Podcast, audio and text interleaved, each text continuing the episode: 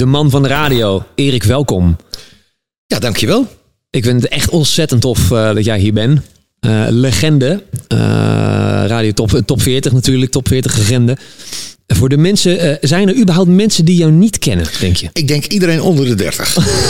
is dat zo? Ja, ja, laat ik het zo zeggen. Mijn, uh, mijn zeer succesvolle periode. Het feit dat ik echt helemaal niet weg te branden was van radio en televisie. Ja. Dat ligt toch echt wel, uh, wel ver achter me. Ik doe incidenteel nog wel een aantal dingen. Ja. Maar het goede nieuws is dat de jongetjes onder de 30 mij wel kennen. En dan zitten we meteen ook bij de Papa Podcast. Die kennen mij als de stem van Thomas, het stoomlocomotief. Natuurlijk, natuurlijk. Ja, ja dus die zullen jou nou ook wel herkennen. Ja, dat denk ik wel. Ja. Hoeveel, hoeveel kindjes zal ik wel niet in slaap gesust hebben met die heerlijke verhaaltjes. Die Nou. altijd, altijd een moraaltje hadden. En, uh, Mijn jochie van acht zeker een paar keer. nou, ja. kijk, Ja. en, en dat is het leuke. Dat is het leuke. ervan. Ik wist dat ook niet dat, uh, dat dat er zou van zou komen. Maar ik ben daarvoor gevraagd toen uh, mijn vrouw net zwanger was. Van onze eerste, van Merel. Mhm. En uh, toen dacht ik bij mezelf, ja, dat vind ik eigenlijk heel erg leuk om dit te doen. Ja. Want dan kan ik ook een beetje leren hoe ik tegen zo'n klein kindje straks een uh, verhaaltje moet vertellen. Oh, dus het was eigenlijk een soort testcase eigenlijk voor jou ook. En het waren treintjes, dus dat was voor mij een ideale combinatie. En ik heb dat elf jaar volgehouden. Ja, En toch wel ieder jaar uh, wel vijftig uh, van die verhaaltjes gedaan. toen vond je het wel goed.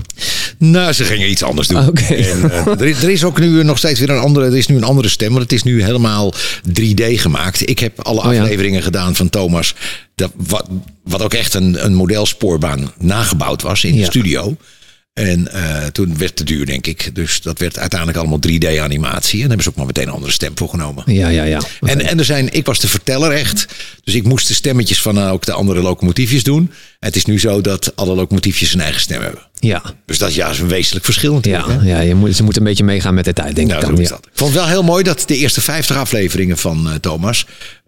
Had ik een beetje op de koptelefoon het Engelse voorbeeld. En dat was niemand minder dan Ringo Starr. Oh, echt? Ja. En echt met dat typische stemgeluid van Ringo, dat haal je uit duizenden. Ja. Mijn generatie haalt dat in ieder geval er zo uit. Ja. Dat was ontzettend leuk om te doen. En, en was dat ook voor jou een beetje het voorbeeld dan? Als, als, eh, Niet alleen als voice-over, maar... Hmm. Ja, maar ook om het, ja, om het inderdaad zo'n beetje te doen. Ja. Het moest echt heel rustig. Hè? En ook sommige woorden en sommige klanken eventjes eh, proberen te vermijden. Ja. Want ik had een hele strenge regisseuse altijd erbij. En dat is ook wel goed, want ja, die moeten kinderoortjes moet je natuurlijk eh, wel een beetje op een bepaalde manier aanspreken. Ja. Kreeg je leuke reacties altijd? Ik heb alleen maar leuke reacties daarop gehad. Ja, Ja. ja. Ja, Nog steeds. Nog steeds. Want dat is eigenlijk wat jij zegt. Dat het begin eigenlijk een beetje van jouw vaderschap. Uh, Ja. Want voor de mensen die, die jou niet kennen. Ik kan me dat niet zo goed voorstellen. De mensen die deze podcast luisteren waarschijnlijk. eh, Die kennen jou allemaal wel. Maar eh, dat is een beetje de beginperiode ook van radio denk ik. Nee, ik ben, uh, ik ben 65 jaar inmiddels. Dus dat is al wat ouder. Oh ja. En ik ben pas, nou ja, dat ik wist dat ik vader werd. Toen was ik al 40. Oké. Okay. En toen werkte ik al een jaartje of twintig uh, bij de radio. Oh, dus je bent eigenlijk je bent op leeftijd nog wel vader geworden. Ik ben, ik ben een uh, laadbloeier. Laat... En, ik, en, en uh, ik zou je wel vertellen dat, dat, uh, dat ik daar eigenlijk heel blij om ben. En heel ja? dankbaar voor ben. Ik heb daarvoor natuurlijk best wel vaak verkering gehad. En gezocht naar de juiste moeder. En dat duurde allemaal eventjes. En ik ja. heb een paar keer samengewoond. Het was een drama, zo links en rechts. Uh, jaloerse vrouwen, noem het maar op. En, uh, en ongetwijfeld zal het ook aan mij gelegen hebben. Maar uh, laat ik wel zeggen dat ik wel, dat ik wel iedere keer het initiatief heb genomen om van en nu weg. Ja. Uh, want dit is het niet. Ja. En toen kwam ik op uh, mijn, uh, mijn 37, 35ste kwam ik Marika tegen. Ja. En toen wist ik eigenlijk al na een paar weken van ja. Dit is er. Dit is het. Ja. En uh, want jij zat eigenlijk op dat moment nog wel in de bloei van het hele radioschap. En, Klopt, en... we waren net begonnen met Radio 538. Ja. Dus we zaten... Een hele drukke periode dan. Hele keihard werk inderdaad. Dus uh, ik ben, ben blij dat het ook wat dat betreft met de kinderen iets later is gegaan. Dat Mhm. het al echt wel, dat 538 echt al een succes aan het worden was en zo. En Ja. al best een groot station. Um, maar daarvoor, ja, ik ben eigenlijk blij. Ik ben echt heel erg blij dat het met de dames waar ik daarvoor mee verkeerd heb, dat er geen kinderen uitgekomen zijn, voor zover Nee. ik weet dan. Ja, ja voor... goed dat je dat erbij zegt.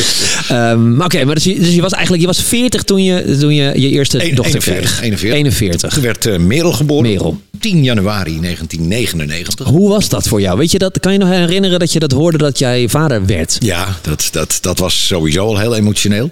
Het uh, wilde aanvankelijk niet zo vlotten en ineens gebeurde het allemaal. Oké. Okay. Dus dat was, dat was wel helemaal prachtig. En we waren allebei in de, in de zevende hemel, echt in de wolken.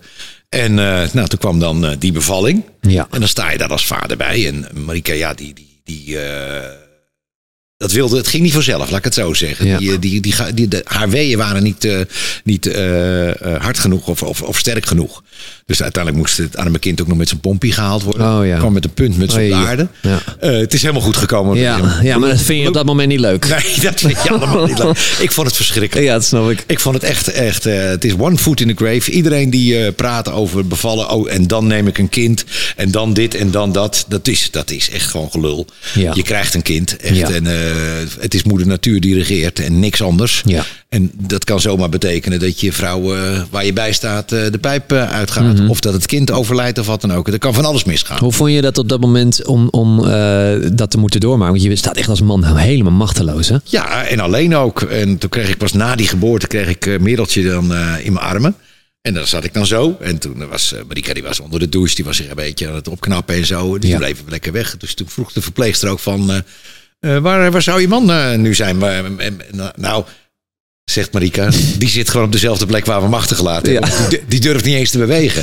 en, en, dat was ook zo. Ja. Ik zat uh, met, met dat kleine droppie zat ik in mijn, in mijn arm en ik dacht echt zo van ja... Dit ik ga hier nooit meer weg. Nee, en het is voor levenslang en, en dat is het ook. Ja, ja. En hoe is dat, want jij was natuurlijk een, een, een je was baas 538. Ja, dat ik heb, me, al? ik heb me, uh, je zou denken van nou, stoere kerel en uh, meteen weer aan de gang. Uh, en ik ben twee weken ziek geweest. Ja. En eigenlijk op een manier ziek dat ik nog nooit ziek geweest ben. Ik ben ook, ik heb bij vrijwel nooit griep of dat soort dingen. Hmm. Maar ik was gewoon van de leg. Ja, emotioneel van de ik leg. Denk, ik denk emotioneel. En dat, dat werkte door. Ik voelde me helemaal belabberd. Ja. Marika zag ik iedere dag verder opknappen. En, en, en levenslustiger worden. Want die baby was er. En daar kon ze helemaal alles mee doen. En uh, ja, dat was fantastisch. Mhm. Mm -hmm. En ik, ik zat in zak en as. En waarschijnlijk komt dat omdat ja, die emotie, emotie van die geboorte, dat, zat dat hakte er nogal in. Ja, en, en, en op dat moment, in die periode, hadden we allemaal nog maar twee dagen volgens mij, hè? Vrij als ja, vader, volgens ja, mij, toch? Ja, ja, ik heb gewoon vrijgenomen, Ja. ja. muziek gemeld, whatever, weet Ja. niet meer. Het gekke is dat anderhalf jaar later kregen wij uh, uh, onze tweede dochter, Jasmijn. Dat is ook snel. En dat het was gelukkig heel snel. Dat, dat geeft, daar komen we zo wel op terug, maar dat geeft voor de dames is dat ontzettend leuk, want Mm. dat zijn vriendinnen. Zeker. En ze zijn we de, bijna dezelfde generatie. Maar uh, bij Jasmijn had ik precies hetzelfde. Oh ja? Nou, terwijl die bevalling een stuk makkelijker en een stuk beter ging. En we wisten natuurlijk daardoor uh, van de vorige keer wel een beetje hoe het gegaan was. Ja. En, maar ik werd weer uh, meegezogen in een soort van emotionaliteit uh, die, die, die ik niet van mezelf kende. Nee. Maar waar, waar, waar lag dat dan, denk jij aan? Is dat... Geen idee. Nee. Ik denk dat dat gewoon toch uh, een beetje wel... ja, de circle of life is natuurlijk, hè, om met Elton John te spreken. Dat, Ja. dat is natuurlijk wel zo. Ben je, maar ben maar nou kennen we jou allemaal natuurlijk als wel gewoon de, de stoere guy van de top 40 en eh, de, de radio. En eh, eigenlijk hoe je hier nu voor me zit, ik ken je persoonlijk ook niet anders. Maar is dat ook niet ehm, een beetje op dat moment dat je echt, dat je, dat je toch teruggaat naar, naar iemand die je eigenlijk bent, maar die je op dat moment misschien niet kent? Nou, ik denk dat je vooral keihard wordt geconfronteerd met de betrekkelijkheid van het leven. Mhm. En dat er ook met dat mis kan gaan. En je weet ook, je beseft ook op dat moment van ik heb nu kinderen. Ja. En je, je, je bent natuurlijk als ouder altijd als de dood dat, uh, dat daar iets mee gebeurt. Ja. Want het is niet de bedoeling dat jij je kind overleeft. Ik heb dat een paar keer in mijn omgeving mee moeten maken. Mhm. Ja, dat is heel heftig. En moeten zien. En dat, is, dat vind ik echt heel erg. Ja. En dat soms, uh, dat wordt gelukkig wat minder als ze wat ouder worden. Ja. Maar dan nog hoor je ook af en toe van die situaties van, ja, dat de kinderen 20, 22, 25 of wat dan ook zijn. Ja. En dat het verschrikkelijke dingen gebeuren. En uh, dat ouders dan hun kind overleven. Dus dat is iets wat je dan. Dat is een angst die denk ik bij ouders nooit Nee, die gaat niet verdwijnt, toch? Als je, als je geen kinderen hebt, dan heb je dat niet. Nee. Dan mis je dat ook niet. Maar ook die band die je meteen hebt, die is onvoorwaardelijk. En dat is wederzijds, als het allemaal goed gaat. Ja. Uh, dat heb je voor een groot deel zelf in de hand, Ja. vind ik, om, om dat te doen. En daar heb je ook een plicht in. Mhm. Want het is wel gewoon een kind krijgen, uh, is ook meteen een verplichting en een verantwoordelijkheid nemen. Uh, voor een, een, een, goede opvoeding, voor, de, voor zorgen voor, de, voor dat kind. Ja. En of je dat nou kan of niet, maar je moet wel je uiterste best doen. Um, ik denk dat dat wel een, een basisvoorwaarde is. Uh, zo. Dus ja, ik denk dat dat allemaal meespeelde uh, in mijn hoofd. En dat ik daar even aan moest wennen. Had je daar van tevoren nog niet aan gedacht wellicht? Of is dat niet echt iets wat je in die periode... Want je weet natuurlijk negen maanden van ik word vader. Ja, maar dan heb je er toch ben je niet mee bezig. Je hebt gewoon één keer je plicht gedaan als, uh, als man. en vervolgens uh, moet je af en toe kijken. Uh, of voel maar, ze schopt. En dat ja. soort. Ja, ja, weet je, dat... Dat Ja. is te ver van mijn bedshow. Ja. Daar heb je gewoon als kerel heb je daar, heb je daar niks mee. Daarom doen mannen daar ook allemaal stoer over. Want je hebt er ook echt niks mee. Maar pas op het moment dat het dan gebeurt. Dat je dan dus die bevalling krijgt. En je hebt dat kind in Dat, in- dat deed meer met jou dan je dacht. Boem! Ja. Ja. Echt een knal. ja. En eh, ja, dat heeft me wel verrijkt. Dat wel. Ja, zeker. Heeft het je veranderd als man op dat moment? Nu snap ik het, maar op, heeft het je toen als zenderbaas, als DJ, als, als mediaman, Nou, heeft het Kijk, je veranderd als in uh, als- persoon als- Erik zelf? als zenderbaas eh, wel een beetje. Want ja, uiteindelijk eh, was ik natuurlijk toch een beetje de oude lul van het station. En Hmm. dan heb je allemaal die jonge kerels en jonge meiden die rondlopen. En dat zijn natuurlijk ook eigenlijk gewoon nog kinderen. Die, Ja. moet, je, die moet je ook een beetje leiden in de, in de, in de woelige wereld. Dus daar ben je anders naar gaan kijken misschien. Nou, niet anders, maar het speelde wel een beetje mee. En Ja. op een gegeven moment zag ik ook steeds meer, eh, ook in mijn omgeving, vrienden en vriendinnen die allemaal kinderen kregen en zo. Dus ja, dan zit je allemaal gelukkig. Dat is wel het voordeel, dat je als je in zo'n cyclus zit of zo, eh, dan, dan, dan, dan gebeurt dat ineens allemaal en dat, dat het ook bij elkaar. Ja. En dat is wel leuk, want dan, eh, dan ga je ook samen op vakantie. Hebben we ook gedaan allemaal, Ja. met gelijkgestemde gezinnen. Nou, sommige gezinnen hebben het volgehouden, sommige niet. Dat is jammer. Maar ik vond dat wel altijd heel erg leuk. Want Ja. dan, dan ervaar je die emotie en dat plezier en ook eh, met z'n allen bij elkaar. Ja. En, en eh, na anderhalf jaar kwam de tweede eigenlijk al. Ja, na, na anderhalf jaar. Ja. Is dat een keuze of is dat gewoon zo? Nee, dat ging zo. Ja. Ineens, eh Marika, die, ik weet nog wel, ik moest naar een klus. Ik moest draaien. En toen moest ik even terugkomen. even naar huis en naar binnen van uh, het had ze zwangerschapstest. Oh ja. Ik ben weer zwanger. En dan was jij daarmee klaar, was jij daar klaar voor? Nou, ja, daar ben je nooit klaar voor. Maar ik vond het, ik vond het fantastisch nieuws. Ik vond het Ja. hartstikke leuk. Ja. Ja. En hoe is jouw, eh, want dat is, dat is natuurlijk de grote, de grote boosdoener, of de grote olifant in de kamer, het eerste jaar voor ouders. Hoe heb je dat ervaren? Nou ja, eigenlijk dat vergeet je dus, hè? Dat soort dingen. Eigenlijk, en eh, zeker de ellende of wat dan ook, het gedoe wat je hebt, dat vergeet je. Want anders hadden we alleen maar één kindergezinnen natuurlijk eh, op de wereld. Ehm, maar ik heb het eigenlijk nooit zoals echt hinderlijk ervaren. Kijk, natuurlijk, op een gegeven moment ben je moe en dan ben je, ben je- als er nou zo'n zo'n kind, ja, die huilt ook niet voor niks. Dan heb ik een krampje hier of een dingetje daar. Ja. Dat gebeurt. De een van ons eh, was, was wat jankeriger eh, s s'nachts dan de ander. Maar over het algemeen, ja, dat viel allemaal wel mee. Ik vond het altijd wel leuk. Mereltje die wilde altijd bij ons slapen. Nou, die heeft echt tot vijf, zes jaar stond ze met een dekentje. En dan kwam ze bij ons in de slaapkamer eh, Ja. midden in de nacht. eh. en dan hadden we zo'n bankje gelukkig aan het voeteind. Dan ging ze daar slapen. Oké, dus niet Prima. tussen jullie en... Nee. Nee, maar dat hebben, we- dat hebben we ook allemaal meegemaakt. En Ja. dat doe je natuurlijk ook. Ja, weet je, dat, dat hoort er gewoon bij. Hoe Ja. leuk is dat? Maar ik, ik kan het me allemaal nog... Zo, wat dat betreft kan ik nog zoveel dingen... eh, de eerste keer eh, naar de crash. eh, de, de, de, de Sinterklaas eh, vieringen. ehm, daarna dan natuurlijk naar school Ja. voor de eerste keer. En ach... Dan hebben we nog gelukkig, we, we- we zijn van de videogeneratie, dus we hebben alles zo'n beetje wel zo vastgelegd met die kinderen. Ja. Van mij, ik heb een heel lullig klein boekje met een paar foto's. Een paar foto's en, en dat niks. is het dan. Ja, ja, ja. Dus ik vind dit echt super leuke tijd Ja. om, eh, om en die en die meiden die we hebben het zoveel mogelijk vastgelegd. Die meiden vinden het ook hartstikke leuk om zelf terug te kijken. Mm. En dan komt het ook allemaal weer een beetje terug. Ik vond het eh, ja, ik vind dat ik heb het allemaal als zeer prettig ervaren. Ja. Sterker nog, af en toe dan verlang je er ook wel een beetje naar terug dat je denkt van oh, dat Oh was, ja? was toch wel heel grappig. Ja, als je nu nog, want je bent nu, je bent 65 nu. Ja. Ja, dus zo zie je er niet uit, dus respect. Maar zou je nog een derde kind willen? Stel je voor dat het nu nog gebeurt. Nee, absoluut niet. Nee, nee, nee. nee, nee. Ik, ik denk de volgende stadium is eh, zoals het zo hoort te zijn. Ja. En dat hoop ik eh, het nageslacht. Opa Erik. Opa Erik. En eh, god, een, een hele goede vriend van mij, die is een jaartje ouder. Die is al negen keer opa. Oh, wauw. Negen keer. Ja. Dus dat is een, dat is een, die heeft een soort kindercrash af en toe bij hem thuis. Ja, dat vind ik ook leuk. Ja. Dus dat is, een, dat is een betere stap, denk Ja. ik. Dat is ook, en daar heb je ook de tijd voor dan. Hè? Dat, dat begrijp je natuurlijk niet als je zelf jonge kinderen hebt. Nee.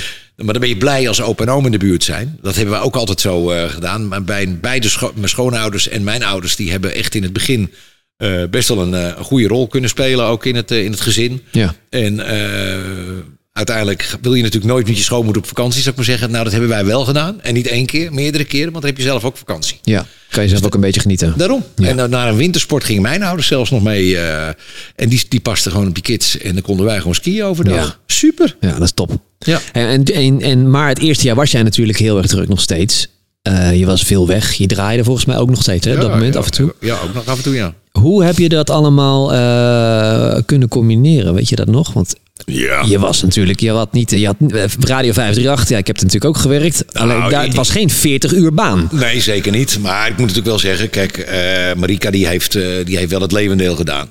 Dat is zo. Dat, Ja. zij is echt de moeder en heeft ook iets minder gaan werken. En heeft, heeft gewoon alle aandacht aan de kinderen gegeven. En ik heb wel meteen, omdat ik toch altijd 's morgens op tijd, nou ja, ging altijd niet zo heel erg vaak heel erg op tijd naar de zaak. maar eh, toen die kinderen naar school gingen, heb ik ze, ik heb ze echt totdat ze het niet meer wilden. Ja. dus zeg maar, Weggebracht. Tot groep 6, Ja, 7. tot je niet meer naar binnen mocht. Heb, heb ik ze, nou, tot ik niet meer mee mocht inderdaad, heb ik ze wel naar school gebracht. Iedere dag. Oké. En op een gegeven moment kwam er een leeftijd dan... dan Nou ja, toen ik ging in 2003 ging ik weg bij, eh bij eh 538. Toen kwam, bracht er een drukke tijd aan met Talpa. Eh, met internationale stations. Dus Ja. ik ben wel echt goed druk geweest tot 2006. En daarna heb ik het wat, eh, kon ik het wat rustiger aan doen. En toen gingen die kinderen naar, eh, de, naar de basisschool. Ja. Dus papa had gewoon goed de tijd om ook daar aandacht en tijd aan te besteden. Ik denk dat dat wel heel belangrijk is. ja, dat is het ook, ja. Ja, en vo- vond je het moeilijk om dat op een gegeven moment... dat, dat moment dat je het moest loslaten? Hoe heb je dat ervaren toen? Want dat Daar is, ben ik nog steeds mee bezig. Ja, dat is wel. Ik heb net dus bijvoorbeeld ook een dochtertje van negen maanden. Ja, dat is het nadeel van Ik heb- kinderen die geboren worden. Natuurlijk, die zijn vanaf dag één zijn ze al bezig met weggaan. Eigenlijk wel, maar ik merk wel nu... Ik bedoel, ik heb een jochie van acht Dex. En Dex is... ehm, Goeie ja, naam. Ja, hele goede naam. En heel zelfstandig. Alleen eh, echt papa's kindje. En, ehm, maar ik heb nooit het idee gehad van... Nou, als ik ooit een meisje zou krijgen, dan wordt dat nog heftiger. Het gevoel van... Kijk, als ik, als ik weet van... Nou, Dex wordt over, eh, over, weet ik veel... Als hij over een jaar of 10, 15 uit huis gaat, bij wijze van spreken... Weet je, dat, dat vertrouw ik wel. En ehm tuurlijk, het, is, het zou emotioneel zijn... of het zou een momentje zijn. Alleen voor Mila, eh, mijn dochtertje...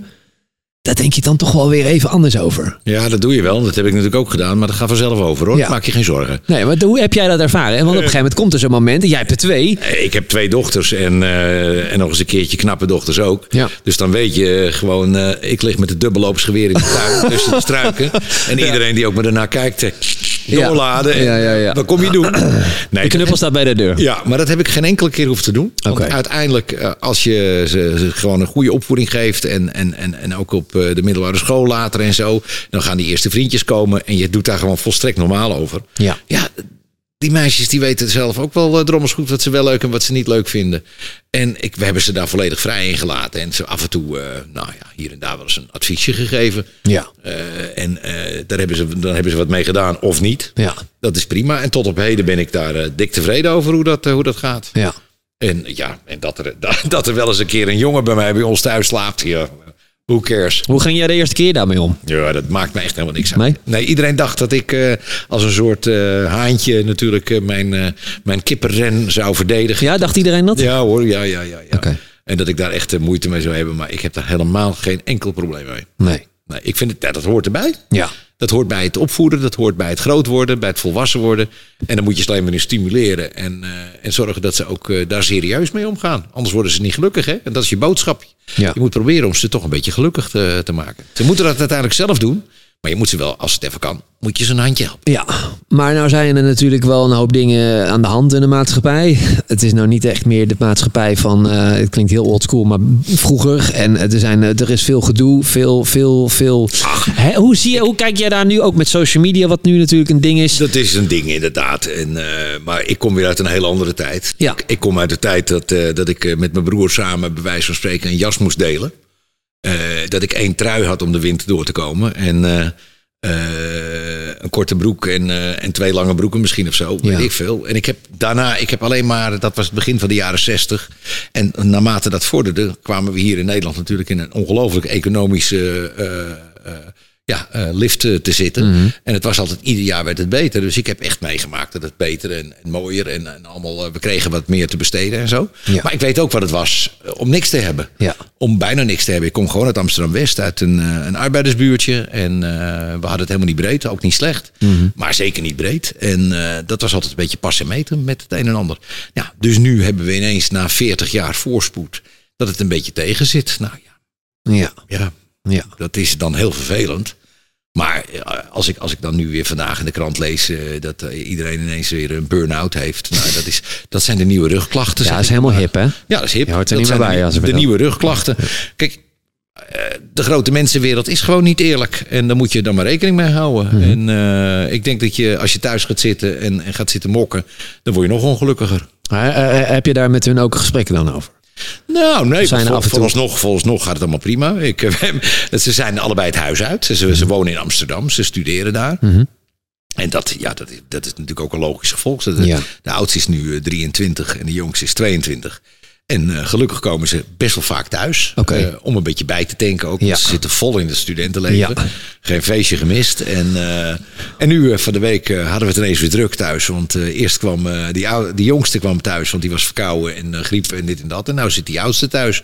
Dus ja, daar zijn papa en mama voor. Hè? Ja, ja, welkom in Amsterdam. Ja. Ja, maar het, het is toch dan ook wel weer een moment voor jou geweest voor, om ze daar ja, los te laten. En het moment van uit Dat huis gaan. Vind ik best wel moeilijk hoor. Ja, dat, was, dat lijkt mij heel lastig ook. Zeker met twee dames, denk ja, ik. Nou ja, nou, niet zozeer dat het dames zijn, maar gewoon dat je, dat je, dat je ze nog steeds ziet als die kleine meisjes. Ja.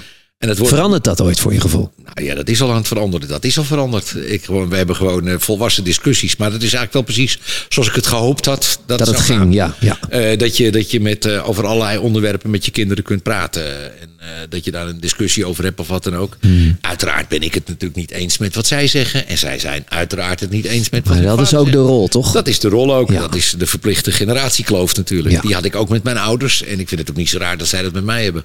Nee. Hoe ga je daarmee om? Nou, Vind je dat... Papa is vrij duidelijk. Is. Ja? ja. Ja, papa. Daar, daar hebben zij wat moeite mee. Ja, Erik is Erik. ja, ja. Ja, ja, oké, ja. En, eh, maar, maar zet je daar dan nog op een gegeven moment een streep achter? Of denk je van, ik vind het toch... Eh, we laten het gewoon niet zo uit de klauw lopen. En eh, dan kijken we weer met z'n allen naar een leuke film of zo. En dan is het goed. Het, allerleukste vinden ze natuurlijk dat we met z'n met z'n viertjes op de bank... dat we daar zo'n eh, zo'n feel-good movie kijken. Oh ja, en dat dat niet verdwijnt. over Las Vegas, hoe heet het ook weer? Leaving Las Nee, niet Leaving Las Vegas, maar nou ja, zo'n soort film. Oké. Zo'n tranen. Leuke comedy. Met, met een comedy die altijd Ja, goed afloopt. Ja, oké. En ja, dat, is, dat kan je dan doen. En, en dat doe ik mee, hè, want het- ja, Ja. ik hou natuurlijk van James Bond. Ja. En dat vinden ze ook leuk. hoor. Maar dit is ook leuk. Ja, ja. Het wa- was wel heel grappig met eh, de, de eerste corona-epidemie. toen waren we op wintersport geweest en toen kwamen we terug. En wij, waren, wij zaten eh, echt in het hart van Oostenrijk, waar, eh, waar dan ook blijkbaar eh, de corona. Ja, maar het is begonnen toch? Oh nee. Ja. Nou, bij- bijna wel. Ja. Eh, sterker nog, wij hadden de laatste trein uit Sankt Anton. Oké. En eh, toen, eh, nou, toen kregen we dan een mailtje van... dan konden we beter even een beetje thuis blijven. Dus dan hadden we zoiets, nou, dan blijven we gewoon thuis. Ja.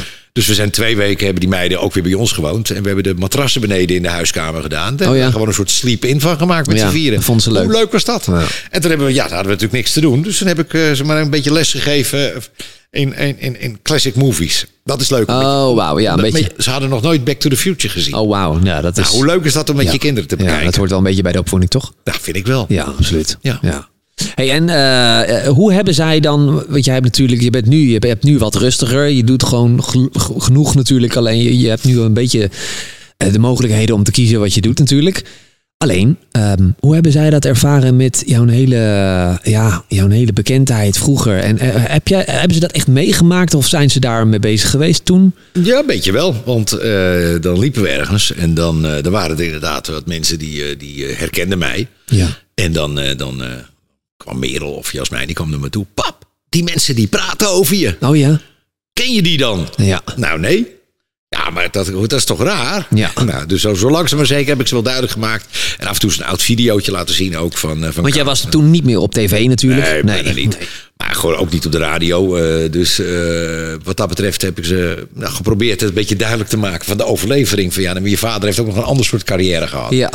Dus ik, ik, ik, ik heb nou net een filmpje gemaakt voor een, eh, voor een presentatie die ik moest doen. Mhm. En die heb ik hun ook maar even laten zien. Ja. En dat vonden ze eigenlijk wel heel grappig. Ja. Dan hadden ze ook, en dan, eh, vooral mijn jongste, dan eh, zat er een close-up in van mij. Ik zeg, kijk Jas, je lijkt op je vader. Ja.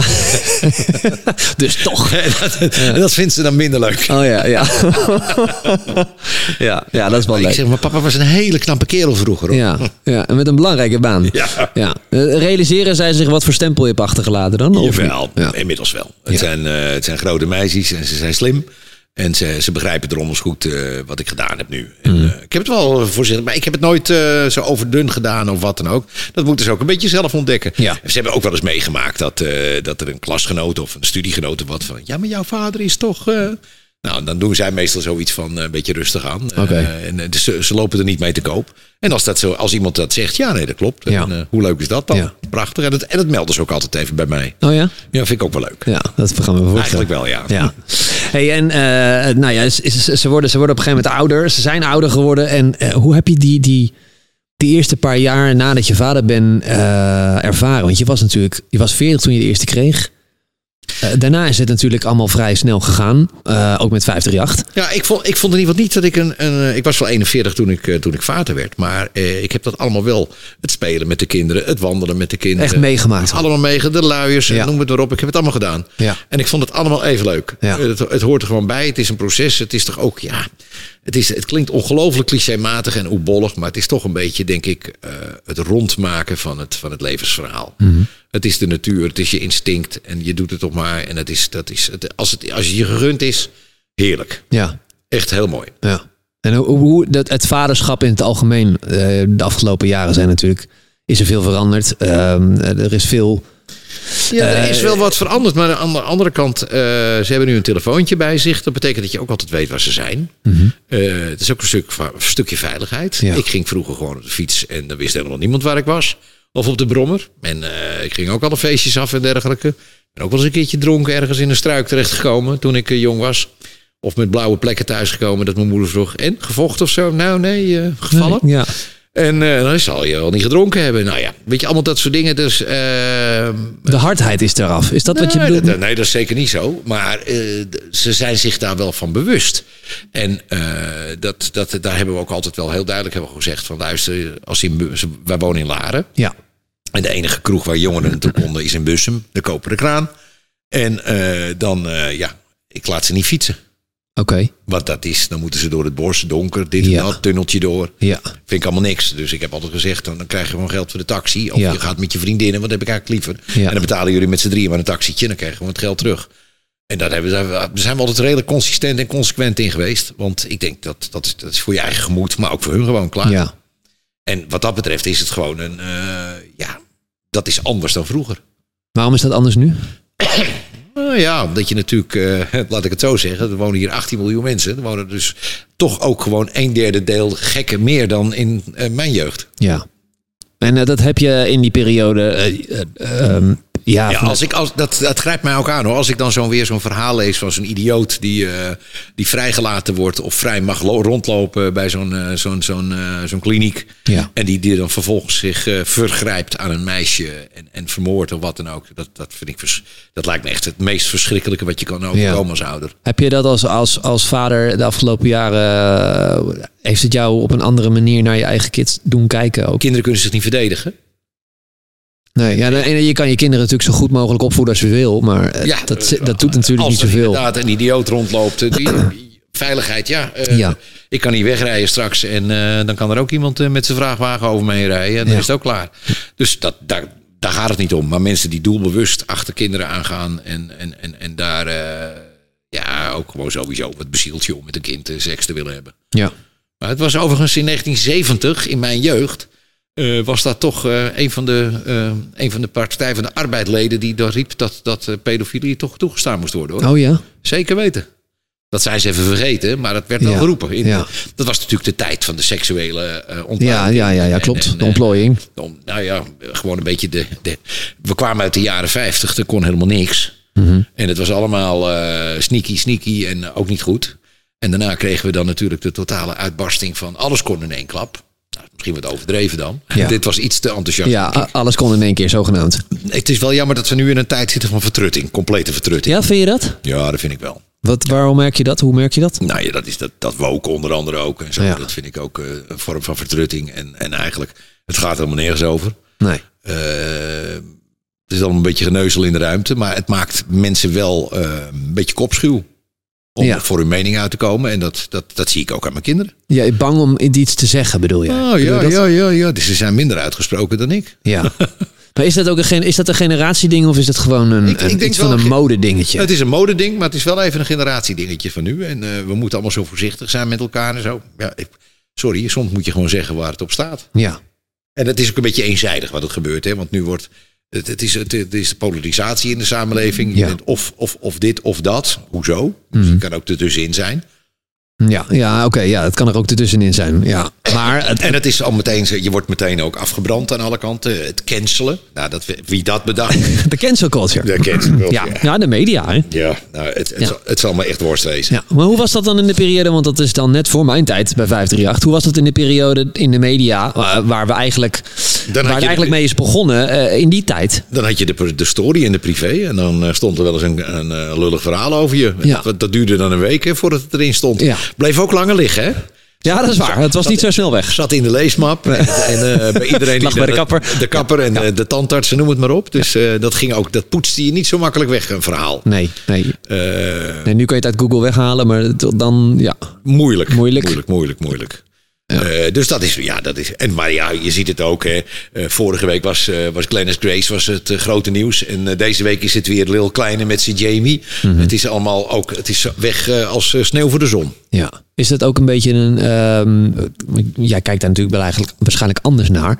Maar is dat ook gewoon een, een, een net wat ik zeg, een modeding voor nu ja. om gewoon dat we honger hebben naar uh, ellende van andere mensen? Nou, het, het, het, probleem zit hem een beetje in. Uh, kijk, iedereen geeft natuurlijk altijd de, de, de, de media de schuld. En daar hebben ze ook wel een klein beetje gelijk in. Mm -hmm. uh, en het algoritme tegenwoordig. Nou ja, en algoritme. Maar het is natuurlijk wel zo. Kijk, we hebben best wel veel nieuwsplatformen in Nederland. En die ja. moeten gevuld worden. Ja. Dus uh, hoe ga je dat doen? Er wordt ook beknibbeld aan alle kanten, want personeel wordt steeds duurder. Ja. Dus er wordt beknibbeld aan personeel. Dus wat er gebeurt een heleboel is dat er een heleboel berichtjes eigenlijk gepapagaaid worden. Die worden gewoon zo doorgezet, zonder dat iemand het controleert. Er staan ook heel vaak fouten in. Mm -hmm. En dat wordt dan niet gecorrigeerd. Dat, dat, irriteert mij als oude lul. Ja. Uh, dat vind ik, ja, dat vind ik onzorgvuldig. En, ja. en de, wat, wat, wat ook een beetje daardoor weg is, is gewoon de onderzoeksjournalistiek. Dus ga er nou eens even wat verder op in. Iemand is bij, bij voorbaat al... Ver, ja, en als hij, als hij het tegendeel wil bewijzen, dan sta je op het tweede plan, wordt niet gepubliceerd. Mm. Nou, dat vind ik wel een foutje van de media. Ja. Ik vind dat als je iemand beschuldigt of je zegt wat of wat dan ook, dan moet je wel twee kantjes horen. Ja. En niet eenzijdig blijven tetteren. Deden jullie dat voorheen wel? Bij de radio was dat anders? Nou, ik denk dat dat gewoon een code, dat was gewoon verplicht eigenlijk. Ja, ja, ja. Als kon je een proces wegens smaad. Ja, ja, ja, precies. Ja. En terecht. Rectificeren en, gewoon. Ik, ik vind, voor mij is het onbegrijpelijk dat, uh, dat uh, Johan Derks uh, op de televisie roept dat hij 150 jaar geleden iets met een kaars gedaan heeft bij een dame. Wat ook nog eens een keer een vaag raar verhaal is, mm -hmm. maar dat maakt niet uit. Dat wordt dan serieus onderzocht. Maar tegelijkertijd hebben we Juice-kanalen die iedereen en alles beschuldigen van God mag weten wat. Ja. En totaal niet controleren of dat nou juist is of niet. Geen fact-check, bedoel ja. je? Dat is wel. Nul. Ja. Nul. Ik, ik zou dat Openbaar Ministerie toch willen aanmoedigen om daar eens wat aan te doen. En dan heb je het over kanalen, uh, de, de, de huidige juice-kanalen. Ja, van die juice-handel en zo. Ja. ja. Uh, de story in de privé vroeger, die, uh, die, als die iets wilde suggereren, dan moesten ze echt heel zorgvuldig hun formulering echt laten, juridisch laten testen. Ja. want dan waren het altijd van die teksten. Zou het zo kunnen zijn dat? Oh ja, ja, ja. Maar dan, en dan een vraagteken. Ja, ja. En dan ook nog een beetje om de hete brei heen. Maar, maar is dat ook niet een beetje het, het grijze gebied waarin we nu leven? Met dus die, die juice-kanalen inderdaad. Nou, van, nou, misschien is het ook wel een beetje zo, omdat we hier eigenlijk altijd heel braaf zijn geweest. Ja. Als je kijkt naar de roddelbladen in Engeland en in Duitsland, dan gaat het gewoon echt... Uh, die zijn keihard. Die zijn keihard. Dat is heel anders. En daar worden wij nu ineens mee geconfronteerd. Dus misschien is het wel een aanpassingsprobleem. Maar ik vind wel dat die media, het moet gevuld worden. En het wordt ook gevuld met, met alles wat je maar kan bedenken. Ja. En, en, en het is ook wel, iedere dag is er alweer een... een, een, een ja, heeft er wel iemand weer een persbericht met uh, de zoveelste ellende. Dat je dit weer niet mag en dat weer niet mag. En uh, ook dat moet natuurlijk allemaal in de krant. Ja, dit is natuurlijk mijn wereld waar ik nu al een tijdje in begeef. Want jij, ja, jij, hebt ook de, gewoon de, de vorige generatie nog meegemaakt. Um, uh, ben je daar ook met je kinderen uh, actief mee bezig? Met die nou, gesprekken die wij dus nu hebben over inderdaad de politiek, maar ook inderdaad zo'n, zo'n uh, nou ja, de Juice-kanaal en die situatie daaromheen. Ja, nou ja, wij hebben er wel eens over. En dan, dan heb ik ook zoiets van, jongens, maak je je druk over allemaal. Ja. En ook over, over bepaalde andere zaken zijn zij drukker mee. En dat moet ook, want ze zijn jong en ze hebben nog een heel leven voor zich dan ik dat ben. En dan probeer ik dat te relativeren. En soms dan schiet ik uit mijn slof en dan vind ik weer iets belachelijk. En ja, oh ja. pap, hoe kan je dat nou vinden? En ja. Ja, want is dat, is dat ook iets wat je, wat je hun probeert uh, uh, waar je hun ook mee probeert op, op te laten voeden door te zeggen van nou luister, wij, wij, wij kijk even wat we hebben allemaal hier.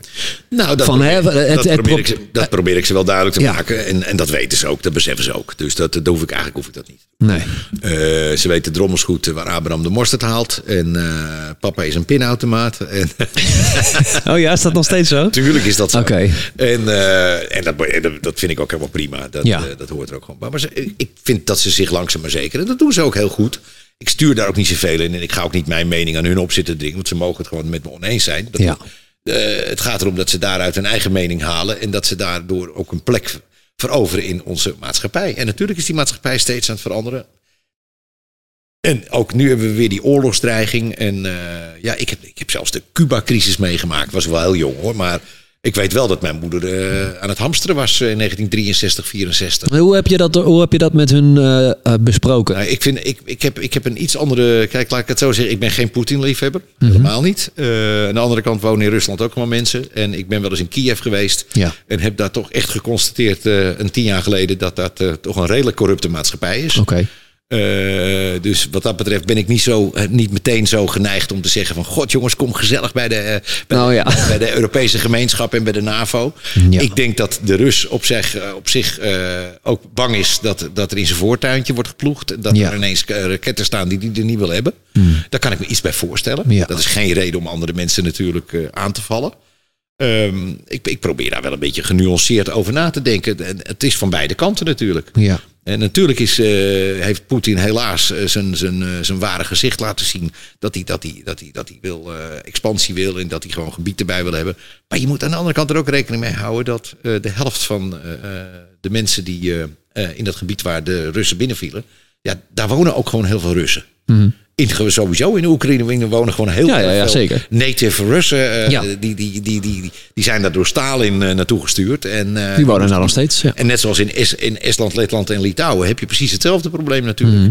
Dat daar ook gewoon uh, Russische mensen inmiddels uh, wonen, al heel lang. Al, al, al van voor de oorlog uh, dat ze daar gepland zijn. Kijk, die hele kaart van Oost-Europa, die heeft natuurlijk wel eens wat anders uitgezien. Ja, zo iets veranderd. Dus ik probeer ook wel mijn dochters af en toe, en ik vind geschiedenis leuk. Ja. En dat vind ik ook leuk om over te praten. Dus daar probeer ik ze ook wel af en toe iets mee te geven van jongens, het kan ook anders uh, zijn. En okay. je moet er wel met op meerdere manieren naar kijken. Ja, en zij kijken daar op een andere manier dan naar. Nou nee, zij, zij zien het nieuws voor zover ze dat überhaupt zien. Ik denk dat er ook zoveel narigheid is op de televisie en op de radio. Dat ze ook zo'n soort van... Uh, ja. Uh, ze zijn drukker met TikTok dan, uh, dan met het nieuws hoor. Ja, dat is eigenlijk een grappig haakje. Wat, ik, wat, wat maak je je daar druk om over die verschuiving van de hele mediasituatie? Want wij zijn natuurlijk, of wij, ja, ik, ben ook van de radio. Uh, ik, ik, ik, ik heb helemaal niks met TikTok. Ja. Alleen het is wel gewoon, het, het is van, van nu. En men, men luistert steeds minder radio. Dus is, is het... Ik denk dat dat wel meevalt. Ik Ja? denk dat wel ietsje opschrijft natuurlijk. Want ze kunnen natuurlijk een eigen playlistjes op Spotify maken. Ja. Dat is leuk. Maar dan weet, je wat, dan weet je wat er komt. En bij de radio weet je dat nooit. Nee, dat is zeker waar. En het leuke van een radiostation is, een goed radiostation, is natuurlijk dat je, dat, je, dat je weet wat er gaat komen, maar dat je dan toch aangenaam verrast wordt. Ja. Door een ander plaatje, of een leuk grapje, of een stukje actualiteit, of een itempie, of weet ik veel wat. Maar dat je toch op een andere manier vermaakt wordt. Ja. En het was wel grappig, het vriendje van, uh, van Jasmijn, van de jongste.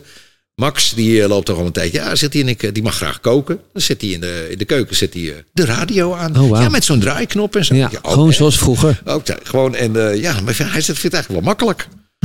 Ja, ja dat is het ook. En dat is het ook. Ja. En, en, en dat is eigenlijk ook iets wat... wat, wat Je hoeft ook- geen verbinding te zoeken. Nee, maar dat is ook iets wat bij ons in de jeugd... Kijk, toen was muziek luisteren gewoon een dure hobby. Want je moest platen kopen Ja. en uh, dit en dat. En dat hebben ze natuurlijk nu niet. Het is heel makkelijk. Je hebt een Spotify-abonnementje, gratis Ja. of niet. Ja.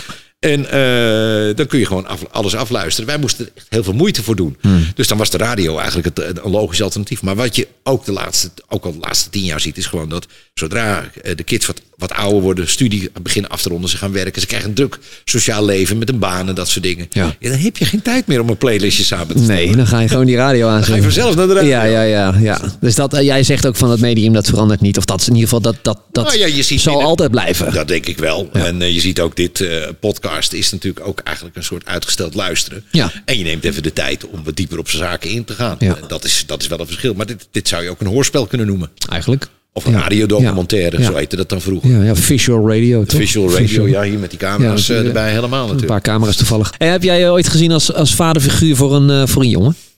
Dat, ik, dat, dat zou net zo makkelijk kunnen zijn. Ja? Ja, ik heb natuurlijk heel veel jongens uh, in, uh, in mijn familie gehad, uh, de disjockeys. Ja. Ik heb toch wel regel, ik heb regelmatig vader moeten spelen voor, of plaatsvervangende vader moeten zijn oh, ja? voor, voor jongens. Ja, nee, omdat ook media en bekendheid, dat doet, dat doet wel wat met je. Mhm. Mm -hmm. dat deed het bij mij ook, dus dat hoef ik helemaal niet te ontkennen. Dat maakt je onzeker. maakt het jou onzeker? Het, het heeft mij het begin van mijn carrière, ja. Dan, dan ben je, zit je op televisie en dan, dan word je, word je langzaam maar zeker een bekende Nederlander. En dan heb je ook collega's die, die dat niet zijn. Oh, oké. Okay. Of, of, of, of, nog niet eens zozeer uit uh, jaloezie of wat dan ook. Maar die je dan gaan vertellen, ja, maar jij moet niet denken dat. Oké. Okay. Weet je, dus uh, je mag in Nederland natuurlijk nooit boven het maaiveld uitsteken. Nee. Dan komt er een man met een zeis. En die, maar dat nam je serieus ook? Nou ja, als, als, als de halve wereld, als mensen tegen je gaan zeuren, dat, dat, ook mij maakte dat op een gegeven moment wel een beetje onzeker. Want jij hebt het nu over je TMF-tijd, denk ik. Hè? Ja, daarvoor nog. Ja. De, de Veronica-tijd, de, de omroeporganisatie. Uh, ik heb, uiteindelijk ben ik, heb ik daar wel een klein panzertje door gekregen, ja. Ja. Ja, dat, dat, dat raad ik mijn kinderen ook aan.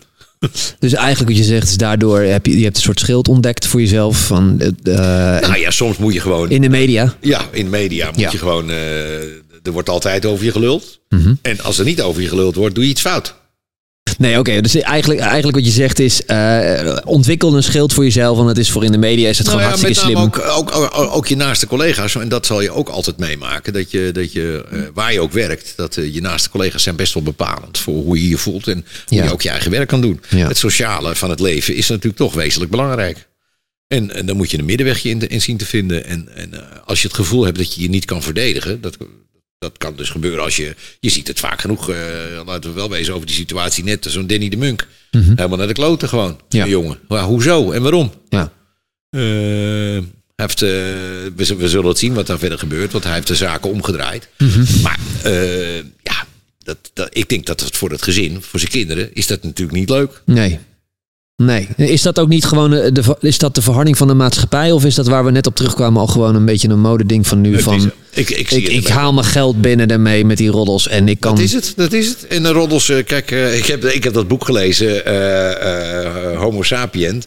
En dat is van die, over het ontstaan van de mensheid en zo. En er zitten Ja. ook wat filosofische teksten in. En uiteindelijk zijn we 10.000 jaar geleden een beetje gaan klonteren als mensen, omdat we graag roddelen. Dat is reden één om een sociaal gebeuren. Wat we nu ook een beetje doen hier. Ja, natuurlijk. Ja. Dat, dat, ja, dat is, dat is de manier. Maar je hebt natuurlijk roddelen en men inderdaad helemaal f- totaal met de grond gelijk maken door middel van een, een beschuldiging. Ja, Ja. ja. En, en, wat, en wat bereik je daar dan mee? Ja. Dus dat is ook eigenlijk, maar dat, dat grappig dat je het zegt. Dus eigenlijk in die periode dat jij, eh, voordat je bij TMF nog zat, merkte hij al van nou, dit heb ik nodig om mezelf een beetje in deze eh slangenkel in Hilversum ik- te toen, beschermen. Met, toen we met, eh, in 1995 begonnen we met TMF. Toen had ik er al 15 jaar eh omroepcarrière op zitten. Dus ik was, ik, was, ik was een van de senioren bij TMF. Dus dan kwamen de dames kwamen daar natuurlijk. Bridget en Sylvana. Mhm. en, hoe heette ze ook weer? Ach, ach, ach, Fabienne natuurlijk. Fabienne, ja, ja, ja. Laat ik die vooral niet vergeten. Nee. En ook, nou ja, daar zijn natuurlijk ontzettend mooie, leuke dames uit de voort Ja. gekomen. Nou, dus er kwam er wel eens af en toe eentje eventjes bij me uithuilen van... eh, ja, maar dit en dat. En ze zeggen dus zo, zus. Nou, dat was onderling waren die dames niet echt altijd even aardig tegen elkaar. Nee. En eh, er was ook natuurlijk heel veel geroddel. En wij liepen daar als de VJ's een beetje, ja, een beetje er doorheen. Ja. En, en hebben, daar, eh, hebben dat wel opgevangen. Maar wij hadden daar onderling niet zoveel last van. Ik, ik, ik, ik- Jeroen Post en zo, die kwam dan later en zo. Ja. Nou, daar heb ik nog heel vaak wel contact mee gehad en zo. Ja. En eh, ik, eh, ik zie Jeroen Nieuwhuis ook eh, bijna iedere week nog. Ja. En, dus dat, dat is op een andere manier. De- en ik denk dat dat ook een beetje te maken had met ja, dat de een weer een leuke jurkje aan had dan de ander. Een beetje, een beetje, een beetje keer, Ja. zinnen. Gewoon vrouwen eigen. Vrouwen eigen, ja. Beetje. Ja. Maar goed, ook dat hoort erbij. Ja, en dat, maar dat heeft je uiteindelijk wel de- de- bij jou gewoon ervoor laten zorgen van nou, ik, ik, ik zit nu hier en je merkte wel van ik moet toch wel wat. Ik moet toch wel even een jasje aantrekken om mezelf de komende jaren in, in medialand een beetje ja, te beschermen misschien. Of, Nou, ik hoef me niet zozeer te beschermen. Maar eh, ik zou het wel fijn vinden als mijn, allebei mijn dochters... De appel valt namelijk niet zo ver van de boom. Eh, ze zitten allebei wel een beetje in de media. eh, wat ze aan het studeren zijn. Ja. De oudste doet communicatiewetenschap. En de jongste die zit op een hbo-opleiding voor marketing communicatie. Ja. Dus iets in de media zullen ze wel doen. En ik zie ze niet zozeer voor de camera. Alhoewel, mijn, die oudste die heeft in Spangas gezeten. oh ja? Heeft in, oh, een, heeft in een Sinterklaasfilm meegespeeld. En, en, en, dus die heeft best wel een beetje ervaring ermee. Hartstikke leuk. Mm -hmm. Trotse papa natuurlijk. Ja. Dat je zoiets mag meemaken. Um, dus ze weten wel een beetje hoe dat werkt. En uh, ze hebben ook uh, wel stage gelopen bij mediabedrijven. Dus dat, dan waarschuw ik ze altijd rustig, jongens, de kat uit de boom kijken. Mm. En even op je plekje wachten tot het jouw tijd is. Ja. En dan toeslaan. Ja. En goed. En goed. Ja. ja, ja. want is dat, is dat nu is dat iets wat je, waar, je, waar je over nadenkt in het proces van, uh, nou ja, mijn dochters worden ouder, ik moet ze dit meegeven. Want uh, nou, weet je, wat, ga je er op een gegeven moment over nadenken? Wat iedere ouder natuurlijk niet wil, is dat, dat zijn kind op de een of andere manier iets tekort gedaan wordt. Of uh, dat het, het kind ja, gekleineerd wordt. Of mm -hmm hard wordt aange, te hard wordt aangepakt. Eh, ja. Uh, dat vind je niet leuk. Maak, je, maak jij je daar altijd maak je daar druk om als vader? Als je wel eens hoort van. Ik, ik heb dat gelukkig nog niet zoveel maar, hoeven meemaken. Maar af en toe moet je je, je kinderen natuurlijk ook wat moeten inspreken. Van joh, valt wel mee. Ja. En uh, pak het nou zo aan. En dan uh, spreek die persoon aan. Want ze hebben het, ook zij hebben natuurlijk wel eens een dingetje met vriendinnen. Of, of weet ik veel met school. Ja. Nou, we proberen het in eerste instantie dat ze het zelf moeten oplossen. En kijken of ze eruit komen. En lukt dat niet, nou, dan vind ik, dan mogen ze altijd terugvallen op hun ouders. Ja, dan wel. Ja, je moet er wel zijn voor ze. Ja, ja. En als zij dat gevoel ook hebben dat ze weten, dan durven ze zelf ook meer voor zichzelf op te komen. Mm dus die logica, die, die, die zit er wel in. Ja. En wat voor, wat voor opvoeding hadden jullie dan vroeger? Want jullie, is dat een, een, een, een vrije opvoeding of is het een strikte opvoeding? Nee, hoor, uh, gewoon een vrije opvoeding, maar helemaal niet overdreven uh, van alles moet kunnen. Echt niet. Gewoon duidelijk uh, dit wel, dat niet. Uh, gewoon onze eigen, de dingen die we zelf niet zouden doen, dat wil je ook niet dat je kinderen dat doen. Nee. je, je ziet het vaker om je heen met, met, met ouders, met kinderen die, ja, dan is er stress in het gezin op de een of andere manier. Mm -hmm. En dan gaan die kinderen natuurlijk ook lopen klieren. Ja. Want die weten dat die ouders daar niet tegen kunnen. En dat, dat, dat zie je dan vaak. Dan denk ik, ja, dat kun je ook anders doen. Ja, als jij relaxed bent, is dat kind ook relaxed. Hebben jullie daar dan onderling een eh, soort afspraak over? Jij en je vrouw? Van, nou, we hebben één keer gehad dat, uh, dat Merel, uh, dan was het nog echt een baby. Ja, die moest een beetje huilen vanwege uh, druk op de oren in het vliegtuig en zo. Ja, dan zitten oude mensen naar je te kijken. Oh, ja, ja, ja, kan, ja, kan je dat kind niet de mond snoeren? Ja. Het, vliegtuig, het vliegtuigmoment. het vliegtuigmoment, dat vinden we natuurlijk als ouders vinden we dat. Maar ik moet je zeggen, we hebben daar eigenlijk vrij weinig problemen mee gehad. Dat ze klein waren. En we hebben ze overal mee naartoe kunnen nemen. Sowieso hebben ze overal mee naartoe genomen ook.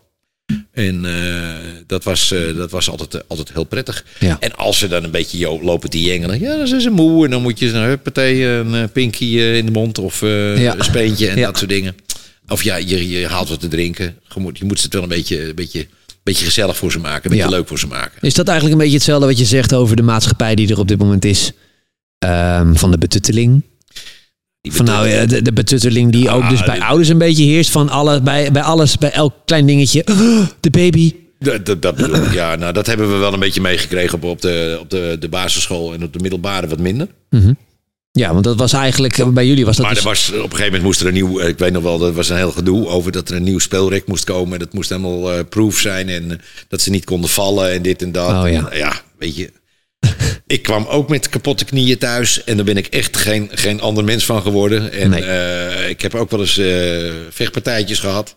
Dat was vroeger veel normaler dan nu. Ja. Want nu krijg je meteen een, een politieagent aan de deur als je een, een ander kind een klap gegeven hebt, blijkbaar. Mm -hmm. Ja, dat is ook een beetje overdreven. Dat, dat, ja, jongetjes zeker, die, die knokken nog wel eens. Ja. Dat gebeurt. Ja. En als je gaat pesten, inderdaad, ja, dat vind ik wel op zich vind ik dat een hele goeie. Dat er als er pestgedrag is, dat daar wel op ingegrepen wordt. Maar dat gebeurde bij mij ook.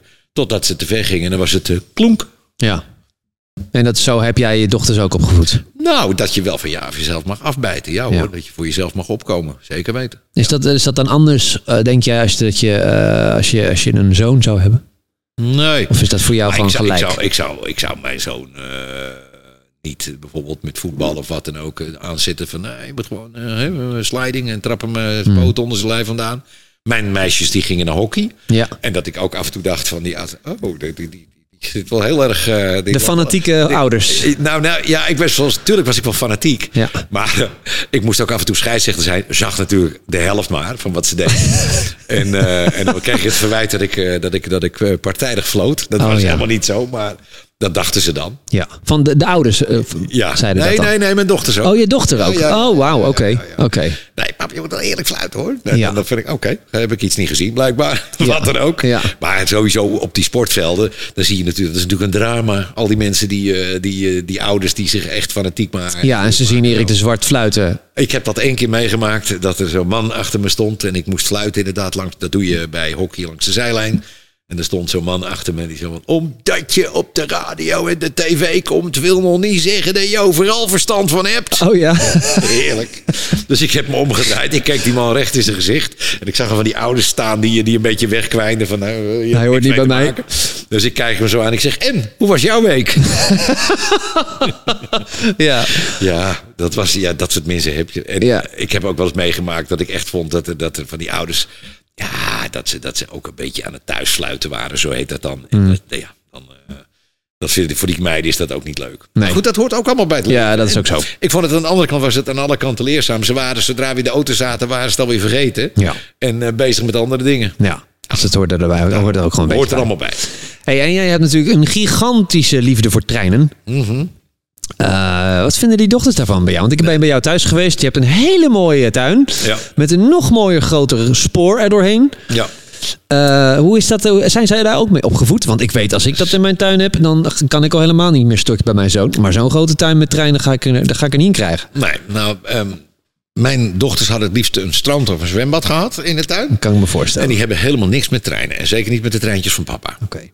Maar zwembad en laren? Ik, ik, toevallig vandaag, uh, die, uh, die oudste die is thuis nu. En, uh, dus ik vertelde vol trots dat we een, de nieuwe president-directeur van de Nederlandse Spoorwegen een mooie brief hebben gestuurd. Oh, ja. Ik ben ook voorzitter van een oude treinenclub, zo'n hondenkop. Ja. En dat we, dat we die man een brief hebben gestuurd. Nou, Ja. zegt pap, is dat het enige waar je over praat als je hier thuis bent? Dat vindt mama toch helemaal niet interessant? Oh ja? Ja, ja, zo gaat dat dan. En wat zei je toen? Ja, ik zeg ja, maar het hoort erbij. Het is toch leuk? Ik heb Ja. het meegemaakt. Wees blij voor papa. Ik, moet van jullie allemaal lulkoeken horen over make-up en nageltjes en dat soort dingen. Vind ik ook best. Ja, dus is ook zo. Dat hoort er gewoon bij. Maar ze komen wel eh, eh, binnenkort, eh, als ik weer moet rijden op de toeristentram in Den Haag. Komen ze binnenkort komen ze naar Den Haag en dan komen ze meerijden. Want dat vinden ze toch wel leuk om papa eventjes aan het werk te zien. Oh ja, dan trambestuurder. Ja, ja, ja. Dan zijn ze toch wel een beetje trots. Tuurlijk. Ja. Tuurlijk. En eh, dat vind ik ook leuk om dat te laten zien. Ja. ja. Om dat te delen. Maar ze hebben helemaal niks met treinen. Nee. Mijn vrouw ook niet. Vind je het jammer? Dat vind ik wel is jammer. Maar aan de andere kant, als, we- als ik voorstel om een leuke treinreis te gaan doen. dan is het ook niet zo dat ze zegt van dat doen we niet. Eh, dan, dan schikt ze zich wel in. Dan kan ze lekker een boekje lezen. En Ja. kijken een beetje omheen en zo. Dus eh, Ja, en je loopt een beetje rond.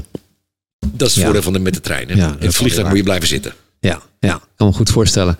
Ja, en eh, ja, wat de komende periode, zij zijn natuurlijk nu uit huis. Jij bent nog lekker aan het freewheelen hier en daar. Je bent Ja. nog steeds druk. Ja, nou ja, ik ga bij, hoe heet het, in januari bij eh, Radio 5 eh, aan de slag. Iedere vrijdagavond van 6 tot 8 het top 40 hit dossier. Iedere week een oude lijst. Ja. Dus de echte, de, de, de, de actuele top 40 die is dan net geweest op Q Music. En om Ja. 6 uur kun je een oude kun je terugluisteren dan.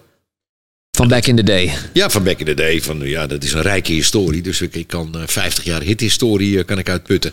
En dat vind ik hartstikke leuk om te doen. Is dat gewoon iets wat je gewoon weer een beetje mist en daarom bent gaan doen? Of hoe is het, dat was, dan? het zat een beetje in de pen, want eh, Daniel Dekker, dat is de, de radiochef van eh, Omroep Max, die, eh, die had al een tijdje geleden had hij een keer gevraagd van God, wil je niet weer wat doen? Ja. Ik heb nooit echt afscheid genomen en altijd een beetje in het midden gelaten van eh, ja, ik stop ermee of niet, of ik ga weer, pak het weer op. Ja, En eh, ik vind het ook wel leuk met de huidige techniek, met al die dingen, met video en zo. Nou, daar, kan, daar heb ik ook wel een ideetje bij wat je Ja. dan kan doen. En eh, ik ben eigenlijk bezig met, met een soort van concept uit te werken om eh, TMF te maken zoals het bedoeld was. ah, Dus eigenlijk een soort radio op televisie, maar dan ook echt. Ja, want vroeger was dat eigenlijk uit een boze, weet ik nog wel. Hè? Dat, dat radio was, was, was magisch en dat mocht helemaal niet op tv. Totdat ja. Radio Donner er volgens mij bij begon. Dat klopt. En dat, Ja. vond ik, dat vond ik ontluisterend. En dat was ook ontluisterend voor de, voor de, voor de luisteraar. Ja, was niet heel prettig om naar te kijken. Want je zag, je zag mensen met koptelefoons op, grote microfoons. En Ja. dan waren, hadden ze een, soort beveiligingscamera-achtige... Ja, dat was het. En dan zag je ook dat iemand in zijn neus zat te peuren en, Ja, eh, ja, ja, het was heel echt. Een broodje in zijn mond zat te doen. Ja. En dan denk ik, ja, maar dat is toch gewoon... Dat was geen radio zoals je het wilde kijken. Nee. En dat kun je natuurlijk wel degelijk. eh, er was ooit een eh, bekende Engelse producer die zei van... eh, don't turn good radio into lousy TV. Oh, wauw, ja. Mhm. Nou, dat doen heel veel radiostations helaas. Maar je ziet Mattie en Marieke Ja. bij Q Music 's morgens. Die doen eigenlijk al veel meer dat ze werken met beeld. En op het beeld werken ze ook. Ja. En dat gebeurt bij 538 gebeurt dat ook. Gebeurde dat ook. Dat zullen ze misschien wel weer wat gaan doen. En dat is een beetje het concept waar je aan moet denken. Dat Ja. de disjockey ook je echt aankijkt. Ja, En dat is een andere manier van communiceren dan dat jij mee mag kijken. ja. Gewoon de presentator eigenlijk, Ja, maar, maar ook dat- op beeld. En eh, op beeld. En als Ja. je nou zorgt dat het geluid leidend is, dan eh, is het eh, ook prima alleen als audio te consumeren. Ja, ja Dus super tof. Dus vanaf januari is dat eigenlijk. Ja, dat gaan we, niet, dat gaan we nog niet doen vanaf Nee. januari, want dat is nog gewoon oude radio op Radio 5. Maar dit probeer ik wel een beetje in het kielzochten mee, mee te, Mee te nemen. Ja, met die oude clipjes erbij, wel zo leuk. En je bent verder natuurlijk met, met 24 Trains bezig. Eh, voor alle treinliefhebbers. Eh, wat, wat is dat precies? Het is, een, eh, het is Netflix voor treinengekkies. Oké. Zo moet je het eigenlijk zien. Het is een, een enorme bibliotheek inmiddels. Een mediatheek. Ja. Bijna 4000 videofilms over treinen van over de hele wereld. Amerikaans, Nederlands, Duits, Zwitsers. Wauw, dat er zoveel over te maken is. Ja, nou, Ja. er is gewoon heel veel van. Ja. En er is gewoon nog nooit iemand geweest die dat bij elkaar gezet heeft. Je ziet dat een programma als Railway van de EO ongelooflijk populair is. Een beetje slow tv en eh, slow tv. En eh, ik probeer dat een beetje te verzamelen en, eh, en, en daarmee abonnees te krijgen. Zo, dat, gaat, dat gaat de goede kant uit. En ik, ik verwacht zelfs dat we over niet al te lange tijd ook een, weer toch een stapje terug te gaan doen. En een lineair kanaal gaan ervan Oh ja, echt waar. dus dat je de hele dag door, non-stop, hoef je er niet over na te denken. Dat je kan kijken naar alles wat met treinen te maken heeft. Ja, jouw eigen tekenfilm van vroeger? Eh, Thomas, ja, we hebben, wel, eh, we, we hebben wel voor kinderen ook programma's erop staan. Oké, ja. ja, we Het zou natuurlijk leuke toevoeging ja, zijn. ja, klopt. Ja. klopt. Nou, er is, er is eigenlijk, dat is van, een, van, een, van zo'n productiehuis en dan is dat is zonde. Ja. Dan is dat allemaal niet terug te vinden. Nee. Waar het dan staat. Er staat denk ik meer op YouTube dan dat het bij Waarschijnlijk. de producent staat. Ja, Dus, ja. Nou. Hey, ik vond het echt onwijs leuk dat ik je, dat, dat ik je hier had. Eh, ehm, ik ik ben, ben heel trots dat je in de uitzending bent geweest. In ieder geval dat ik je heb mogen ontvangen. Dank daarvoor. Ehm, Hier zit een gelukkige vader en een trotse vader. ja, ik wil wel zeggen, ik, ben, ik denk dat ik als, als niet als enige spreek, dat ik denk dat, dat, dat je, dat je ja, iemand bent waar heel veel mensen tegenop kijken, zowel succesvol als eh, ondernemer en, en als radioman als vader. Eh, en ik heb het geluk dat ik je familie heb mogen leren kennen. En eh, ja, onwijs veel geluk voor jou en je familie. Ik wens jou hetzelfde. Dankjewel. Met de kleine en met Dex. Dat gaat vast goed komen. Zo is dat. Dank je.